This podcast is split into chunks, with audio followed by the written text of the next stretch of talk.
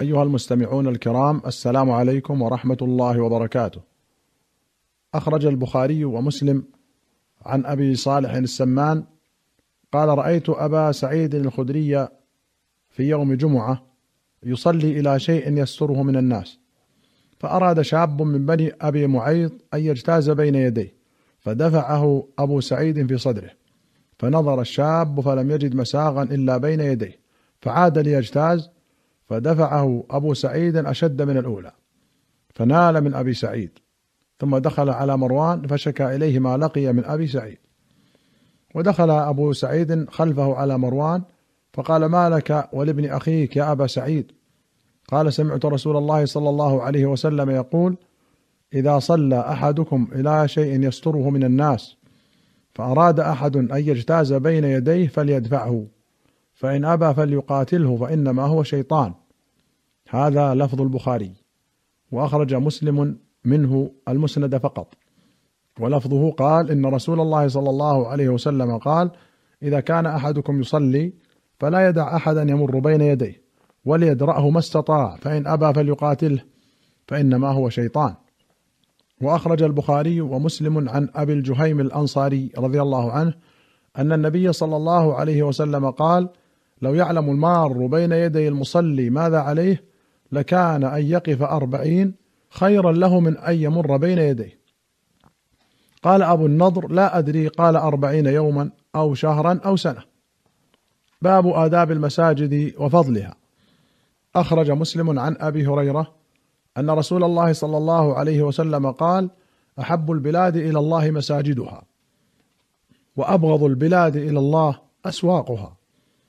وأخرج البخاري ومسلم عن أنس قال قدم رسول الله صلى الله عليه وسلم المدينة فنزل في علو المدينة في حي يقال لهم بنو عمرو بن عوف فأقام فيهم أربع عشرة ليلة ثم إنه أرسل إلى ملأ بني النجار فجاءوا متقلدين بسيوفهم فكأني أنظر إلى رسول الله صلى الله عليه وسلم على راحلته وأبو بكر ردفه وملأ بني النجار حوله. حتى ألقى بفناء أبي أيوب وكان يصلي حيث أدركته الصلاة ويصلي في مرابض الغنم قبل أن يبنى المسجد. ثم إنه أمر بالمسجد فأرسل إلى ملأ بني النجار فجاءوا. فقال يا بني النجار ثامنوني بحائطكم هذا. قالوا لا والله ما نطلب ثمنه إلا إلى الله. قال أنس فكان فيه ما أقول لكم كان فيه نخل وقبور المشركين وخرب فأمر رسول الله صلى الله عليه وسلم بالنخل فقطع وبقبور المشركين فنبشت والخرب فسويت وصفوا النخل قبلة المسجد وجعلوا عضادتيه حجارة وجعلوا ينقلون الصخر وهم يرتجزون ورسول الله صلى الله عليه وسلم معهم يقولون اللهم إنه لا خير إلا خير الآخرة فانصر الأنصار والمهاجرة. الخرب بفتح الخاء المعجمة وكسر الراء. قال القاضي رويناه هكذا ورويناه بكسر الخاء وفتح الراء وكلاهما صحيح وهو ما تخرب من البناء. والعضادة جانب الباب. وأخرج البخاري عن ابن عمر قال كان المسجد على عهد رسول الله صلى الله عليه وسلم مبنيا باللبن وسقفه بالجريد وعمده خشب النخل فلم يزد فيه أبو بكر شيئا. وزاد فيه عمر وبناه على بنائه في عهد رسول الله صلى الله عليه وسلم باللبن والجريد وأعاد عمده خشبا ثم غيره عثمان وزاد فيه زيادة كثيرة وبنى جدره بالحجارة المنقوشة والقصة وجعل عمده من حجارة منقوشة وسقفه ساجا. أخرجه البخاري في باب بنيان المسجد أي المسجد النبوي. وقال قال أبو سعيد كان سقف المسجد من جريد النخل وأمر عمر ببناء المسجد وقال أكن الناس من المطر وإياك أن تحمر أو تصفر فتفتن الناس. وقال أنس يتباهون بها ثم لا يعمرونها إلا قليلا. وقال ابن عباس لتزخرفنها كما زخرفت اليهود والنصارى. انتهى.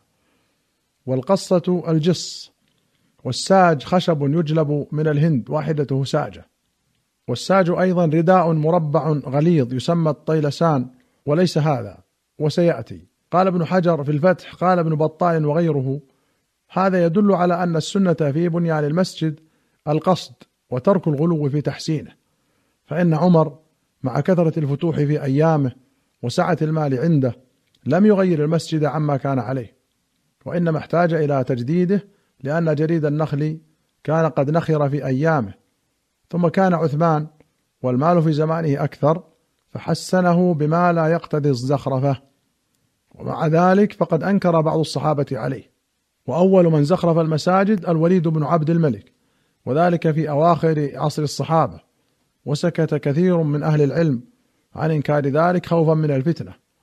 ورخص في ذلك بعضهم.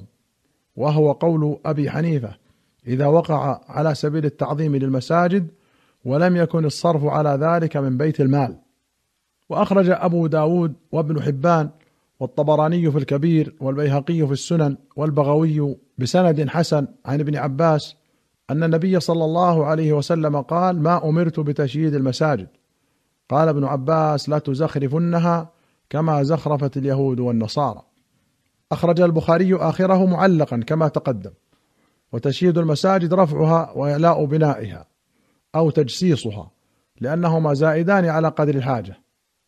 وفي النهاية الزخرف النقوش والتصاوير بالذهب. وفي شرح السنة كانت اليهود والنصارى تزخرف المساجد عندما حرفوا دينهم. وأنتم تصيرون إلى مثل حالهم في المراءة بالمساجد وتزيينها. وسيأتي في أشراط الساعة حديث أنس إن من أشراط الساعة أن يتباهى الناس في المساجد لا يعمرونها إلا قليلا. وأخرج البخاري ومسلم عن عثمان بن عفان رضي الله عنه قال عند قول الناس فيه حين بنى مسجد رسول الله صلى الله عليه وسلم إنكم أكثرتم وإني سمعت رسول الله صلى الله عليه وسلم يقول من بنى مسجدا يبتغي به وجه الله بنى الله له بيتا في الجنة. ولمسلم عن محمود بن لبيد أن عثمان بن عفان أراد بناء المسجد فكره الناس ذلك واحبوا أن يدعه على هيئته. فقال سمعت رسول الله صلى الله عليه وسلم يقول من بنى مسجدا لله بنى الله له في الجنة مثله. قال البغوي في شرح السنة لعل الذي كرهه الصحابة من عثمان بناؤه بالحجارة المنقوشة لا مجرد توسيعه. وقال ابن حجر ولم يبني عثمان المسجد إنشاء وإنما وسعه وشيده كما تقدم في حديث ابن عمر فيؤخذ منه إطلاق البناء في حق من جدد كما يطلق في حق من أنشأ. وأخرج البخاري ومسلم عن أبي قتادة رضي الله عنه أن رسول الله صلى الله عليه وسلم قال إذا دخل أحدكم المسجد فليركع ركعتين قبل أن يجلس. وفي رواية قال دخلت المسجد ورسول الله صلى الله عليه وسلم جالس بين ظهراني الناس فجلست. فقال رسول الله صلى الله عليه وسلم ما منعك أن تركع ركعتين قبل أن تجلس؟ فقلت يا رسول الله رأيتك جالسا والناس جلوس. قال فإذا دخل أحدكم المسجد فلا يجلس حتى يركع ركعتين. قال النووي فيه استحباب تحية المسجد بركعتين. في أي وقت دخل؟ وهي سنة بإجماع المسلمين. وفيه التصريح بكراهة الجلوس بلا صلاة وهي كراهة تنزيه. وأخرج مسلم عن أبي حميد أو أبي أسيد أن رسول الله صلى الله عليه وسلم قال إذا دخل أحدكم المسجد فليقل اللهم افتح لي أبواب رحمتك وإذا خرج فليقل اللهم إني أسألك من فضلك. وأخرج أبو داود بسند حسن عن عبد الله بن عامر بن العاص أن رسول الله صلى الله عليه وسلم كان يقول إذا دخل المسجد أعوذ بالله العظيم وبوجهه الكريم وسلطانه القديم من الشيطان الرجيم. قال فإذا قال ذلك قال الشيطان حفظ مني سائر اليوم. أيها المستمعون الكرام إلى هنا نأتي إلى نهاية هذه الحلقة. حتى نلقاكم في حلقة قادمة إن شاء الله. نستودعكم الله. والسلام عليكم ورحمة الله وبركاته.